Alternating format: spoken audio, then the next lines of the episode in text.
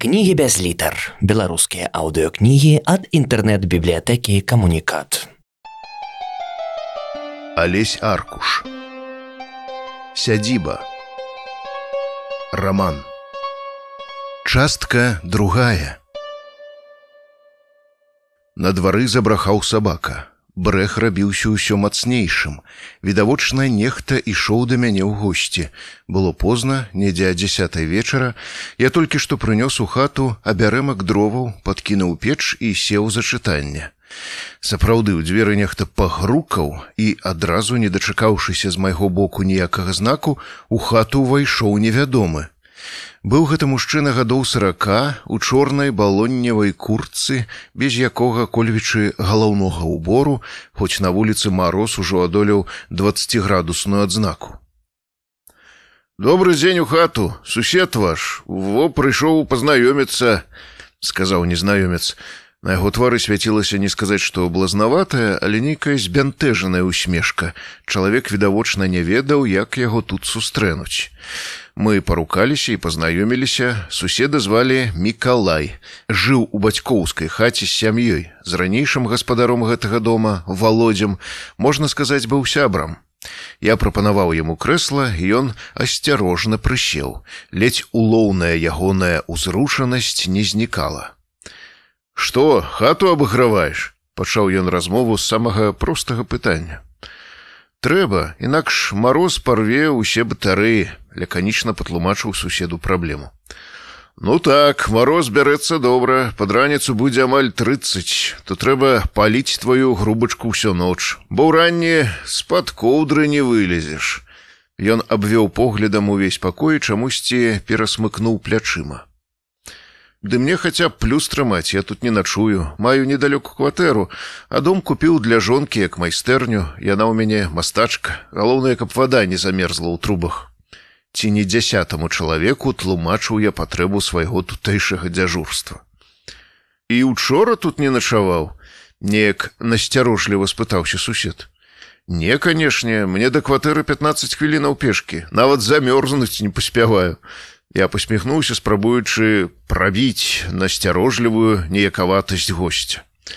Дзіўна, сказаў ён, помаўчаў некалькі секундаў і дадаў: « А я сёння раніцай бачыў, як у гэтым тваім вакне свечка гарэла. І ён паказаў рукой на вакно.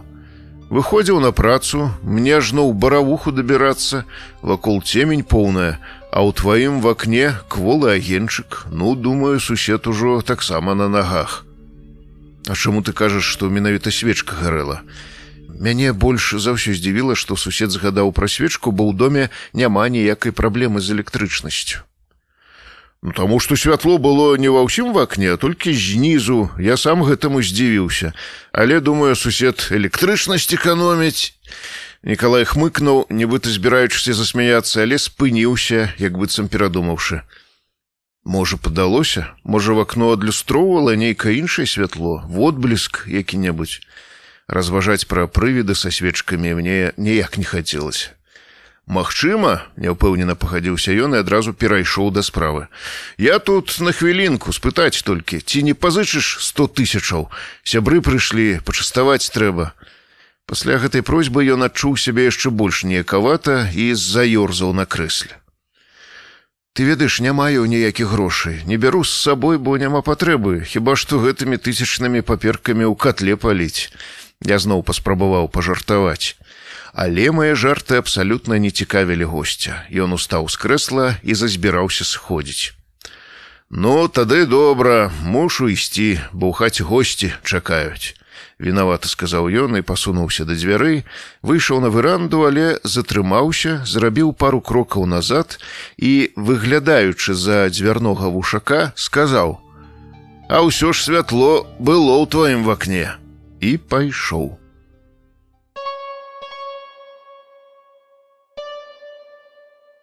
Ты якую будзеш гарбату, чорную, зялёную, а можа зёлкі? — спытаў я ў кастана. Той сядзеў за сталом побач з самаварам і штосьці пісаў у сваім нататнічку. Натуральна, зёлкі, чаго пытаешся?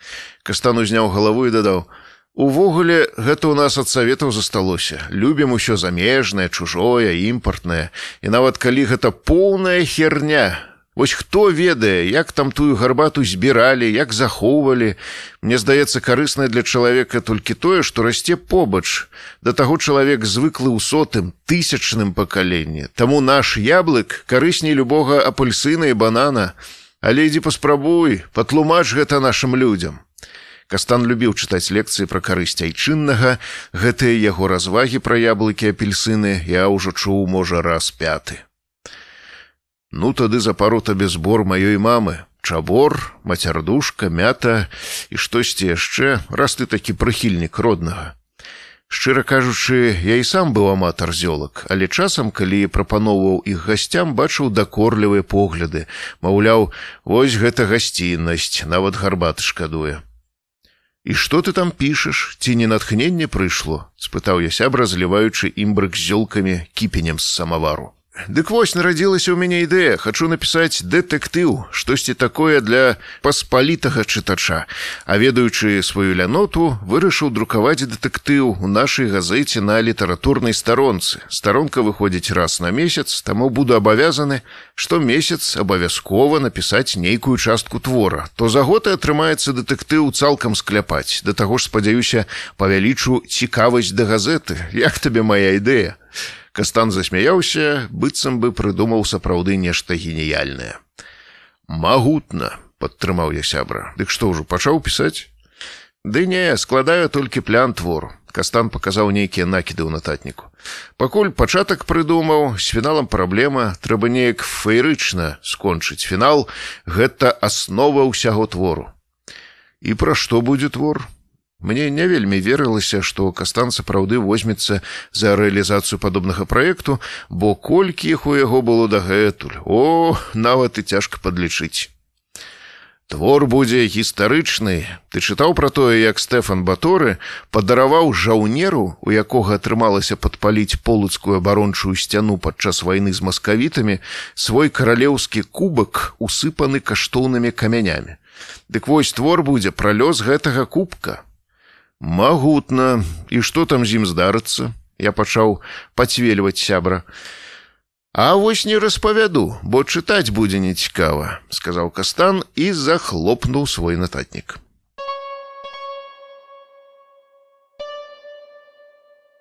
Сабака лапай адчыніў дзверы і зайшоў у хату.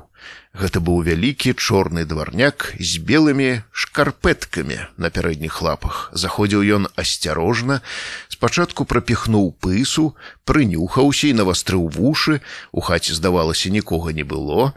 Тады сабака сцярожка выйшаў на сярэдзіну пакоя. Справа ад яго, прысунуты ў сутыч да вакна стаяў стол, аточаны з трох бакоў крэсламі. На стале зырка блішчаў самавар, адлюстроўваў сонечныя промні, якія праз вакно клаліся якраз на яго пукатыя бакі. Сабака прыжмурыў вочы і адвярнуў галаву ў іншы бок. Злева ён пабачыў дзверы ў іншы пакой, шчыльна прычыненыя.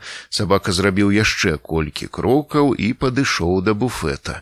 Адразу за буфетам можна пайсці налево, прамінуць чыгунную ванну і выйсці ў бакоўку. Там у падвале стаяў ацяпляльны кацёл. З бакоўкі быў выхад на задні двор.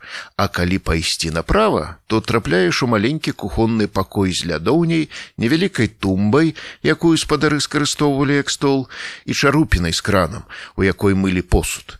Сабака зноў пастаяў колькі хвілінаў незварушна, зноў прынюхаўся. На кухне моцна пахла сырым мясам. На тумбе стаяў ладны рондаль, літры на тры, запоўнены кавалкамі свініны. Гаспадары, па ўсім было бачна, рыхтаваліся да нейкай імпрэзы. Звычайна такія мерапрыемствы суправаджаліся гатаваннем шашлыкоў. Сабака нібыта пасміхнуўся, прыжмурыў вочы і нягучна віскнуў. У такія дні тое сёе перападала і яму. Затым скокнуў пярэднімі лапамі на тумбу і пысай амаль дакрануўся да рондаля, прынюхаўся, лізануў рондаль языком, але пакінуў яго ў спакоі і зноў стаў на чатыры лапы. Сабаку цікавіла тут штосьці іншае. Ён зноў пачаў прынюхвацца, падышоў да чарупіны і лёг на жывот, паспрабаваў прапіхнуць пысу пад дзверцамі пад чарупінай.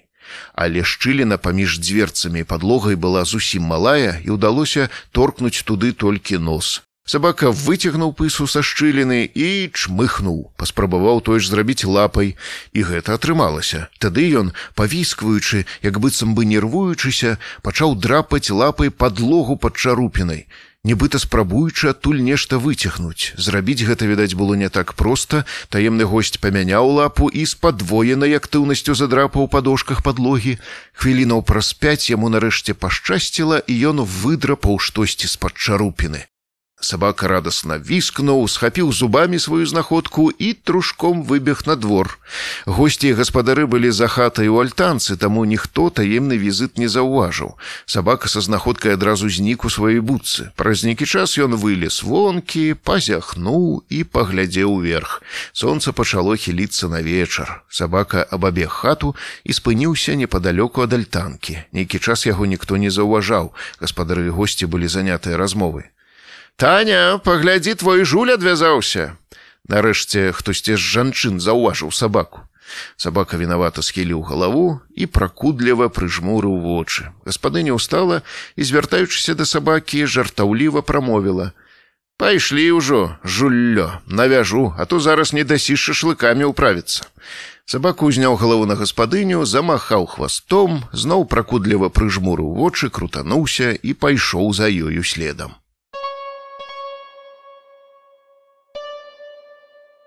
Тацяна адкрыла авечка куфра, дзе ляжалі ніткі і пачала шукаць бабіну патрэбнага колеру. На вуліцы бралася на дождж.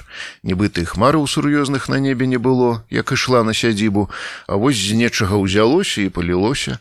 Круплі дажджу спорна барабанілі па даху, ветер шамацеў у галінах дрэваў, дзве разгалістыя вышэзныя грушы, якія амаль прыхіналіся да чырвонай цаглянай сцяны гаража, былі падобныя да двух старажытных волатаў падчас двубою сваімі галінамі яны бязлітасна калацілі адна адну.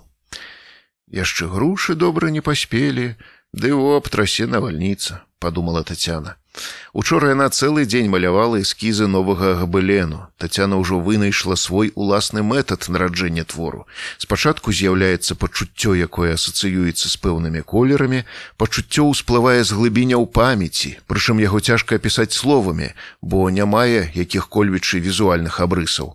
Паўстае толькі пачуццё без тлумачэння яго паходжання. І толькі затым нараджаліся вобразы. Яны ўсплывалі ва ўяўленне як розныя фігуры, фігуры малюнкі нібыта утвораныя блокамі якія можна ўбачыць у залежнасці ад тваёй фантазіі і настрою.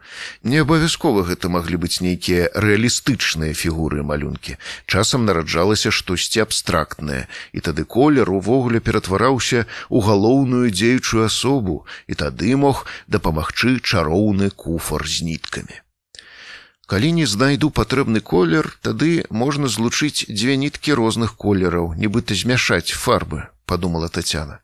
Дождж мацнеў, стала чутна, як спорна пачала злівацца вада па ліўнёўцы з даху. Тацяна выбрала некалькі бабін, аднесла іх да варштату і раптам бакавым зрокам убачыла, хутчэй адчула нейкі рух за вакном. Яна падышла да вакна і пачала аглядаць двор. Дождж размываўся абрысы, найбольш утрапёна хісталіся і хіліліся зямлі кветкі на доўгіх сцяблінах. Магла моцна хіснуцца галіна, магла праляцець мільгануць птушка, шмат што магло праявіць рух, а можа і падалося, пачала супакойваць сябе тацяна. Увечары, калі яна сыходзіла пасля працы з сядзібы, на мокрай сцяжыне да сядзібнай брамы яна заўважыла размытыя дажджом сляды босых чалавечых ног. Дзед прасачыўся праз металічны плот, як туман. Ён прайшоўся пад вокнамі хаты і скіраваўся ў найбольш аддалены кут прысядзібнага пляцу. Следам за ім ляцела сава, Ніхто гэтага не мог бачыць, і толькі сабака, які спаў перад будкай, расплюшчыў вочы, узняў галаву і прыслухаўся. Недзе пад антонаўкай у густой траве зашамацела мыш. Вецер ледзь прыкметна варушыў лістоту на галінах. Першыя промні сонца толькі-толькі крануліся даху дома. Збоку ракі цягнула вільгаццю. Нават адсюль ад будкі сабакі праз дрэвы праз высокія кветкі было бачна, што раку укрывала шчыльная коўдра туману. Менавіта ў такі туман уздоўж берагоў полацку праплываюць варазскія дракары незаўважна і толькі ўсплёскі рыбы парушаюць цішу як усплёскі вёслаў і туман які змяняе рэальнасць рассоўвае яе каардынатныя восі пашырае прастору дзейснага блытае час і вяртае мінулае.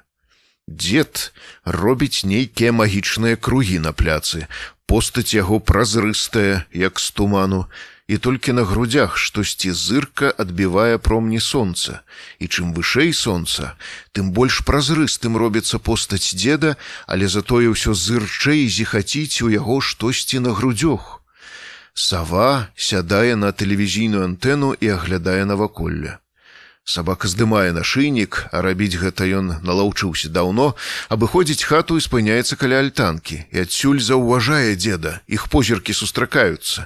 Сабака робіць ледзь прыкметныя рухі хвастом, нібыта вітаецца з госцем. Цішыня гучным зумарам азываецца ў вушах. Здаецца, можна пачуць, як цячэ рачная плынь. Дзед адварочваецца і углядаецца ў туман, нібыта сабака яго больш не цікавіць затым не спыняючы ўзірацца падае рукой знак чатырохногаму гаспадару паманіў яго. Той паслухмяна сцярожка робіць крокі насустрач падыходзіць да дзеда і становіцца побач з ім праваруч дзед кладзе яму руку на голаў сабака заплюшвае вочы і стаіць незварушна так яны стаяць абодва застыла і ціха хвілін десять. Дед здымае руку з галавы сабакі і толькі зараз робіцца заўважным, што ў левай руцэ ён трымае кій. Дед нахіляецца і амаль на вуха штосьці шэпча гаспадару. Затым выпростваецца, робіць некалькі крокаў і знікае за металічнай агароджай сядзібы. Сабака стаіць яшчэ пару хвілінаў на ранейшым месцы, вочы ў яго заплюшчаныя, і як толькі першы промень кранаецца яго поўсці, ён ажывае, адкрывае вочы і круціць галавой, нібыта хоча аднекуль яе вызваліць, бяжыць да сядзібнай брамы, падлазіць пад яе і па адхоне ляціць у бок ракі. Следам за ім, па густой берагавой траве ляціць цень савы.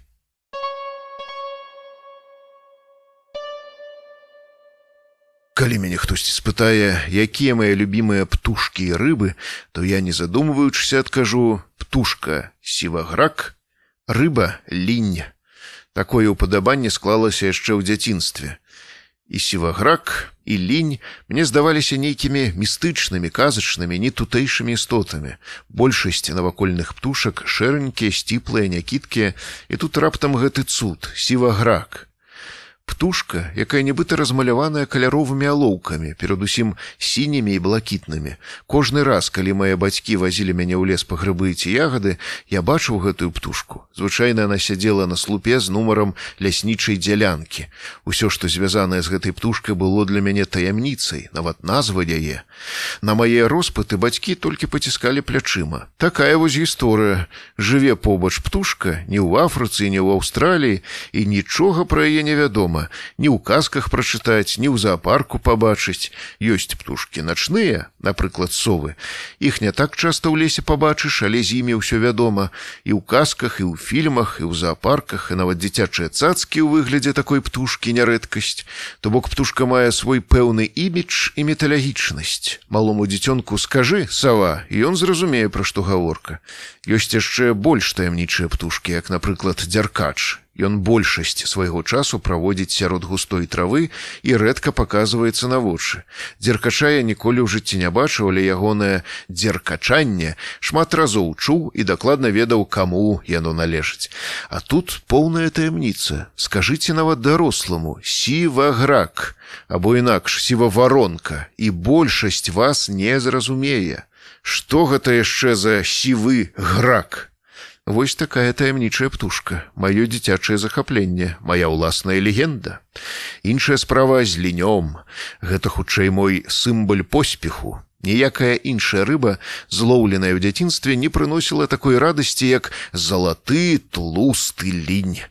Такі прыгожы, што яго можна разглядаць гадзінамі. За маім дзяцінствам врачулцы плеса, на якой я рос, лінь быў не такой ужо рэдкай рыбай.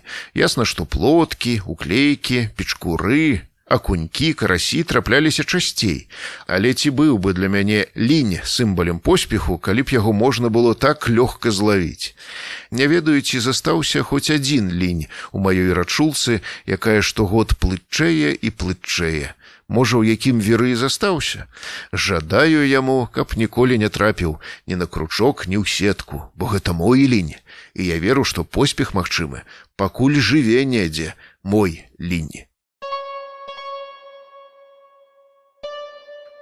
Кастан Навадворскі любіў рабіць макет газеты. І нават калі матэрыялу на нумар збіралася няшмат, ён прымудраўся уладкаваць усё такім чынам, што нумар выглядаў нібыта нядрэнна і не зусім гола. Для гэтай працы у яго была адмысловая жалезная лінарка. Бярог ён яе як нейкую асаблівую каштоўнасць, нікому ў руки не даваў, не тое, што пазычыць на час. У кастана нават настрою ўздымаўся, калі трэба было нарэшце брацца за стварэнне макету. У гэтыя хвілі хвіліны творчага гарэння ён звычайна нешта мурлыкаў сабе пад нос, а мог нават і апавядаць штосьці вясёлае. А ты ведаеш, ёсць такія прыборы, якія фіксуюць анамальныя з'явы. Тое ўражанне, якое ён атрымаў на маёй сядзібе, відавочна не пакідала яго ў спакоі. Хаця, по-мойму, ўсё гэта шарлатанства, сюжэты для мульцікаў пра лаўцоў прывідаў, бо калі штосьці ёсць, штосьці метафізычнае і эзатэрычнае, то яно існуе ў нейкім паралельным свеце, які абсалютна не кантактуе з нашым светом. Як думаеш? Калі не кантактуе, дык хто тады паваліў кілішкі? Пытаннем на пытанне адказаў я. У любым правіле ёсць выключэнне, так званыя збоі праграмы. Думаў я пра тыя кілішкі, але пакуль нічога не прыдумаў. Аднак павінна быць нейкае тлумачэнне. Кастан устаў, адчыніў в акно, сеў на падвакодня і закурыў. Кабінет быў разлічаны толькі на нас дваіх. Я не курыў, але асабліва не сварыўся з тае нагоды на сябра і калегу. Увогуле не люблю бязладную разнастайнасць, якая ўносіць верхал ва ўстаноўлены парадак з філязофскай глыбінёй у голасе прамовіў навадворскі. Вось, напрыклад, я купляю заўжды шкарпэткі толькі аднаго колеру, перыядычна забракоўваю дзіравыя і камплектую новую пару. Кастан дыхнуў тытунёвым дымам у мой бок і засмяяўся блазнаватым смехам. Ты зрабіў макет, давай завязу ў друкарню. Па шчырасці я даўно чакаў, калі навадворскі зробіць макет, каб зліняць з рэдакцыйнага пакоя. Гэтае пустое балабольства мяне не цікавіла. Зараз крыху засталося.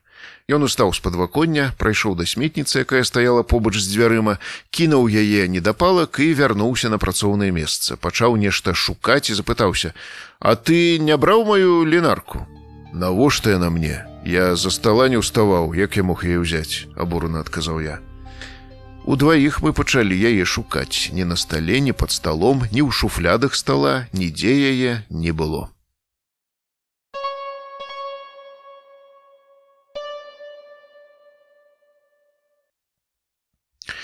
Стасік жалудок меў брата блізнюка паўліка. Жыў я з імі на адной лесвічнай пляцоўцы. Іх кватэра знаходзілася насупраць нашай. Стасік і паўлік найстарэйшыя хлопцы, з якімі я вёў кампанію двары. Розніца паміж мною і імі усяго год. У нашым доме жылі больш дарослыя мальцы, але яны мелі свае кампаніі, і іх жыццё з нашым амаль не перасякалася. Увогуле, я ніколі больш не бачыў такіх блізнюкоў, якія настолькі непадобныя паміж сабой, як з выгляду, так і з характару. Стасік меў арліны, кручкаваты вялікі нос, больш дзябёлы па камплекцыі, харызматычны, балагурысты, кампанейскі. Паўлік, хударлявы, крыху вышэйшы за стасіка, меў нейкія млявыя, невыразныя вочы, замкнёны негаваркі. Карацей, зблытаць іх было абсалютна немагчыма. Абодва яны хадзілі ў музычную школку на клярнет. Стасіку музыка давалася больш паспяхова. Ён нават музычную кар'еру зрабіў пазней, граў у вайсковым аркестры. Іх маці працавала вартаўніком нашай пасялковай музычнай школкі. Часам, калі маці мела нейкі пільны клопат, то прасіла сыноў падзяжурыць гадзінку другую, напрыклад, да 11 ці 12. Бывала, на такім дзяжурстве збіралася амаль уся наша дваравая кампанія, у тым ліку і мой малодшы брат. Стасік не быў бы стасікам, каб такімі вечарамі не прыдумляў чарговую забаву. Звычайна ўсё пачыналася з супольнага канцэрту ў невялічкай актавай зале школкі. Ужо не памятаю, які музычны інструмент мне даставаўся, але калі ўлічыць, што з усёй нашай банды толькі стасік і паўлік хадзілі ў музычную школку, то канцэрт атрымліваўся феерычны і чымсьці нагадваў фільм вясёлыя рабяты. Асабліва тыя сцэны, калі музычны выступ аркестра ператвараўся ў балаганы бойку. Не сказаць, што мы нацублівалі барабаны на галовы адзін аднаму, але чымсьці кідаліся, чымсьці фехтавалі, а таксама вадзілі насамі па клявішах піяніна. Шкада, што на той час не было ні мабілак, ні планшетаў, таму відэа зрабіць не было чым. Мы так разыходзіліся, што здаецца не спыніць не стрымаць. Вось-вось разнясем на кавалачкі не толькі музычныя інструменты, але і сам будынак школкі. І тут прыходзіла маці стасіка і паўліка. Кабета пачынала ўсіх нас сарамаціць, а стасіку нават даставалася нейкім жгутом па дупе. Мы з рогатам выскоквалі адзін за адным на вуліцу, вярталіся паспартовай да хаты. Па дарозе працягвалі штурхаць адзін аднаго рагатаць і гучна пераказваць толькі што адбыўшы адбыўшуюся дзею. Я сваім ключом адчыняў дзверы, імкліва праходзілі з братам у свой пакой. Бацькі ў гэты час звычайна глядзелі тэлевізар, маці ўставала і ішла на кухню штосьці згатаваць нам на хуткую руку. Спалі, як забітыя. У сне гралі на музычных інструментах, суладна і прыгожа. І часам здаецца мне, што ўсё ж хадзіў я музычную школку, толькі не ведаю, ці здаў іспыты. У вас тут будзе як у лазні, ўсё зробім як мае быць. Гэтага майстра мясцовага будаўнічага трэсту нам параіў адзін знаёмы. Тацяна патэлефанавала і дамовілася. Няхай сапраўдныя спецыялісты зробяць справу, а не якія-небудзь халтуршчыкі, сказала яна. Майстар аблазіў усе закуткі дома, хвіліна ў 20 вывучаў кацёл, затым сеў за стол і пачаў маляваць схему ацяплення хаты. Паводле ягонай схемы трэба было змантаваць яшчэ адну трубу да самага кутняга пакоя. Гэта для цыркуляцыі, патлумачыў майстар. Вада кепска цыркулюе, таму доўга і кепска награваюцца батарэі працягваў тлумачыць ён і пры гэтым паказваў нам свой экспромт на паперы зроблены алоўкам. Нібыта абараняў перад намі курсавую працу на катедры водазабеспячэння і каналізацыя. І вы гарантуеце што пасля вашых трубаналадачных дзеяў у хаце зімой будзе цёпла спытала ў майстра татяна ну канешне у гэтай справе галоўная цыркуляцыя. Праўда, кацёл у вас стары і слабы, але думаю, пацягне яшчэ. Добра, пачынайце. Дала дазвол на будаўніча-рамонтныя працы ў сваім доме Тацяна. Праз паўгадзіны на сядзібе з'явіліся тры работнікі. Яны прыцягнулі з сабой зварачны апарат, трубы, яшчэ безліч нейкага начыння інструменту, утварыўшы на тэрыторыі сядзібы сапраўдны гармідар. Працы доўжыліся тры дні. Па іх сканчэнні на дзень здачы аб'екта прыехаў майстар, зноў аблазіў усе закуткі хаты і лаканічна заявіў: « Усё ў парадку, будзе як у лазні, я максімальна вам тут разлічыў. Тацяна вырашыла праверыць новую цепланагравальную гаспадарку на практыцы. Яна распаліла кацёл і пачала чакаць, калі ж будзе як у лазні. У бліжэйшую гадзіну вялікага працэсу цеплагаспадарка не прадэманстравала. Майстар заявіў, што не мае часу далі тут з намі бавіцца, бо шмат працы на іншых аб'ектах, а сістэма павінная яшчэ саманаладзіцца, папрацаваць, паганяць ваду па трубах. Тацяна разлічылася з майстрам, батарэі ўрэшце рэшт нагрэліся, але як там цяпер будзе ўзімку, было цяжка сказаць. Летняе надвор'е не дазваляла правесці зімовы эксперымент. Я сядзеў у альтанцы і назіраў за рыбакамі, якія лавілі рыбу. На дзвінскую ваду акварэльна клаліся адбіткі дрэваў, якія раслі на супрацьлеглым баку ракі востраве. Рыба відавочна не клявала, таму два рыбакі, якія траплялі ў мой зрокавы сегмент назірання, былі падобныя да манекенаў у краме рыбалка і палявання. Сонца з нарастаючай хуткасцю кацілася ў бок рыгі, нібыта гнаная плынню дзвіны. Вечаровыя промні залацілі вершаліны дрэваў на востраве і бліскаўкамі рассыпаліся па воднай паверхні. Кірлі нястомна патрулявалі раку, выглядаючы рыбак, якія грэлі спіны на вечаровым сонцы ля мяжы вады і паветра, а недзе на таемных глыбінях, як субмарыны, ляжалі вялікія самы і толькі вырушылі сваімі сур'ёзнымі вусамі, чакаючы, калі ўжо нарэшце гэтае сонца схаваецца і тады можна будзе выйсці на паляванне. Суладна рачной плыні плылі і мае думкі. Я разважаў пра лёсы тых людзей, якія жылі ў гэтым доме раней.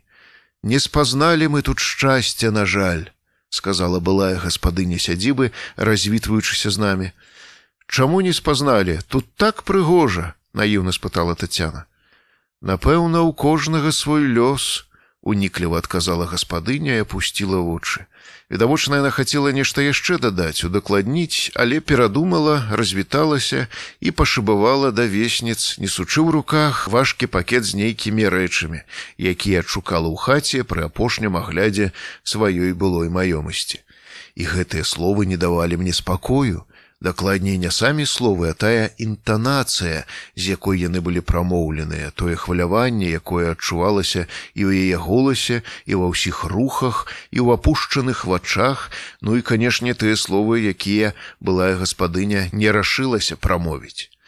Сумная думка не давала мне спакою. Жыць сярод такой прыгажосці, штодзень бачыць крыжы Сафіі і не спазнаць шчасця. Чалавечае шчасце, відаць, сапраўды вельмі капрызлівае, але магчыма былая гаспадыня мела рацыю, што шчасце залежыць не ад месца жыхарства, а ад канкрэтнага чалавека. І дзе б ты не быў, куды б ты не з'язджаў, дзе б не шукаў сваю долю, тваё персанальнае шчасце або няшчасце ужо дэталёва распісана і квітанцыя дасланая адрасату. Нібыта спадзяючыся пачуць думку Сафіі, я павярнуў голаў яе бок. І ў гэты самы час раз выразна пабачыў на шкельцах акуляраў адбітак.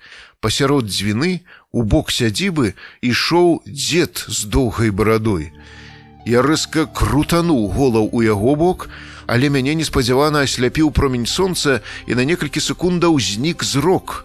Калі зрок аднавіўся, я ўзняўся з лаўкі, пачаў пільна аглядаць дзвіну. Ніякага дзеда ні на самой рацэ, ані на беразе не было.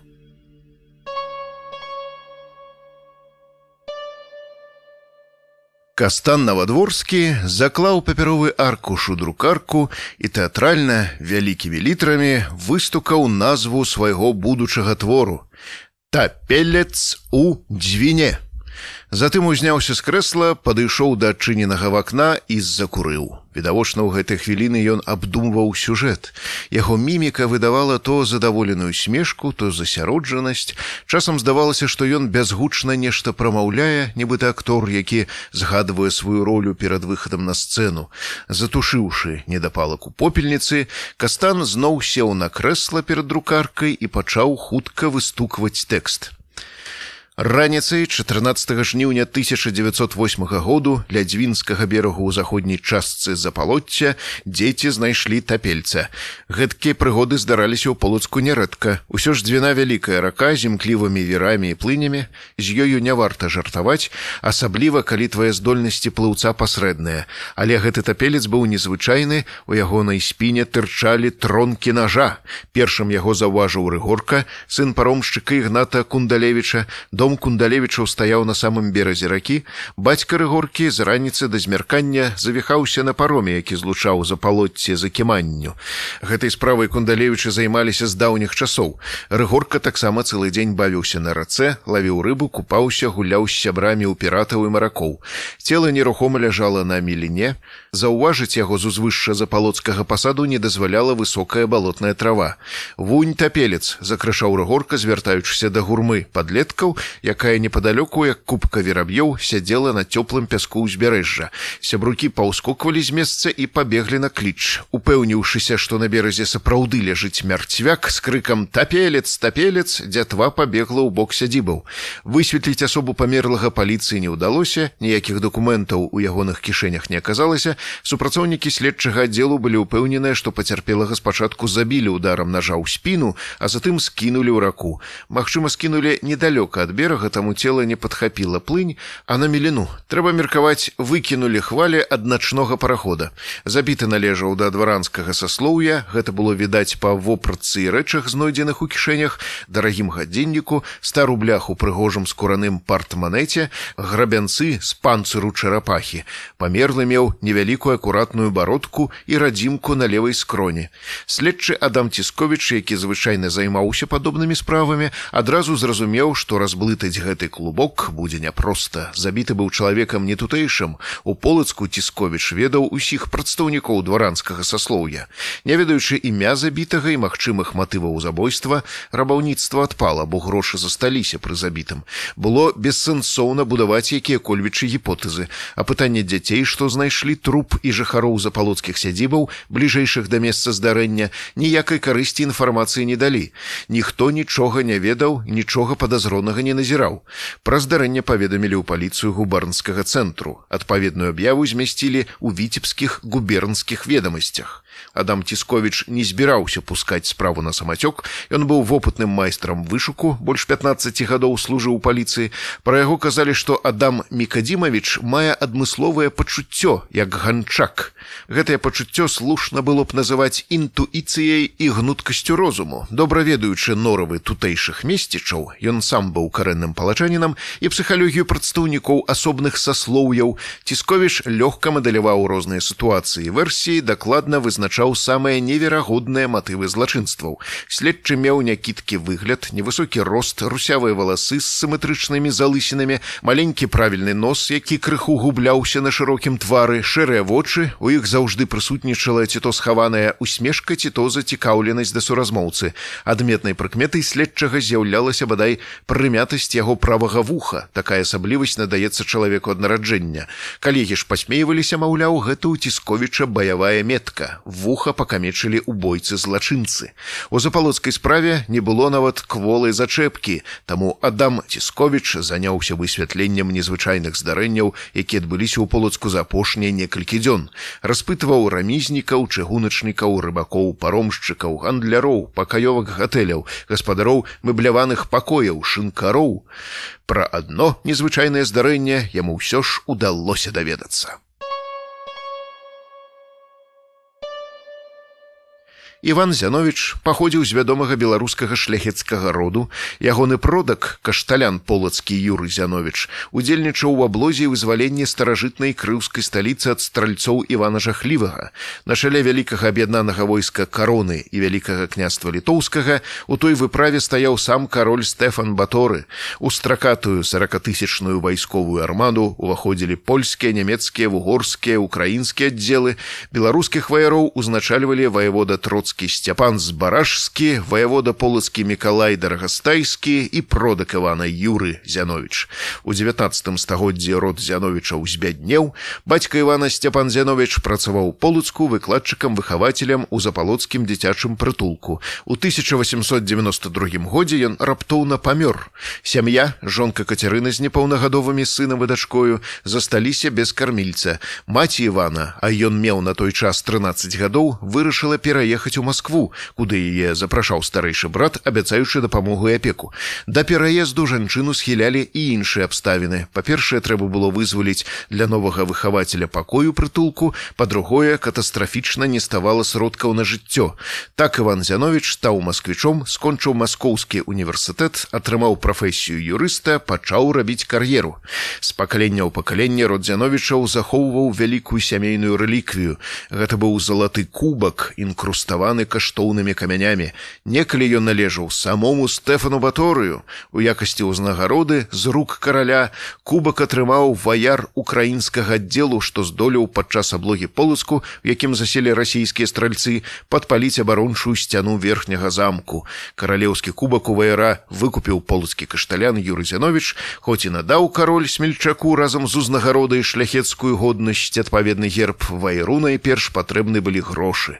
З таго часу кубак баторыя перадаваўся ў родзе зяновічаў з пакалення ў пакалення як найкаштоўнейшая рэліквія, як сімбаль смеласці поспеху і імкнення даволі. Прадзед Івана Васілі Зянович актыўна удзельнічаў паўстанні касцюшкі, за што зяновічаў пазбавілі ўсіх радавых маёнткаў. У 19 стагоддзі зяновічы канчаткова збяднелі, аднак кубак баторыя ўсё адно знаходзіўся ў сям'і, праўда ўжо таемна, дзе перахоўвалася каштоўнасць часам ведаў толькі гаспадар рэлікві. Вось сцяпан Зянович не давяраў таямніцу нават жонцы, бо баяўся, каб тая не прымусіла прадаць каралеўскую ўзнагароду. Ад'язджаючы з полацку кацярына, колькі не шукала, так і не знайшла залаты кубак. Пра страчаную сямейную рэліквію Іван Зянович даведаўся ад маці, калі ён вучыўся ў маскоўскім універсітэце. Таямніца кубкаваторыя не давала юнаку пакоя. Куды падзелася сямейная каштоўнасць, разважаў Іван. Бацька відавочна недзе яе хаваў, але дзе у банку, дык павінны быць паперы. Іван некалькі разоў пераглядаў бацькавы архіў, гэта былі лісты ад сваякоў, накіды нататак па гісторыі, якія Сцяпан Зянович пісаў для віцебскіх губернскіх ведамасцей, розныя рахункі, справаздачы, пляны заняткаў, а таксама выцінкі з газет нічога з таго, што магло б дапамагчы ў пошуку. Аднойчы ці не дзясятым разам Іван пачаў пераглядаць бацькавы архіў. У тэчцы з артыкуламі па гісторыі ён звярнуў увагу на маляваную ад рукі мапу полацку. Мапа раней не выклікала ў яго цікавасці, бо ляжала паміж аркушаў артыкула па гісторыі запалоцкага пасаду. Таму не ўзнікала пытанняў, чаму запалоцце на мапе намалявана гэтак дэталёва. Вось тут, ля самай сутокі палаты, некалі стаяла уніяцкая драўляная царква кузьмы і дзям'яна. Побач паромная пераправа. Вось галоўная вуліца пасаду махіроўская. Яна выцягнулася з усходу на захад і скрыжоўваецца з чатырма папярочнымі. Вось печы на беразе ракі, у якіх выпальвалі вапну, вось паром, які злучаў запалоцце за кіманню, побач лодачны прычал. Іван згадаў, што тут можна было ўзяць лодку ў наймы. А вось і будынак дзіцячага прытулку, у якім жыла сям'я выхавацеля Зяновіча. Разглядаючы мапу, Іван заўважыў невялічкі крыжык намаляваны ў двары прытулку. Каля крыжыка стаяла літара К. Магчыма, гэта калодзеж, падумаў малады Зяновіч. З дзяцінства ён памятаў, што ў двары сірочага дому сапраўды быў калодзеж. А магчыма, нечаканая думка здагадка бліснула ў нетрах свядомасці. Слова кубак таксама пачынаецца на літару К. Кастан Навадворскі паставіў кропку і задаволена пацёр руки. Справа атрымала удалы пачатак. Ён склаў у стос аркушы з надрукаваным тэкстам і пачаў яго перачытваць, па ходзе выпраўляючы памылкі. Затым намаляваў газетны макет літаратурнай старонкі, у якой увесь падвал развароту газеты аддаў пад першую частку свайго дэтэктыўнага аповеду. Назаўтра тапельца ў дзвіне ўжо абмяркоўвалі чытачы.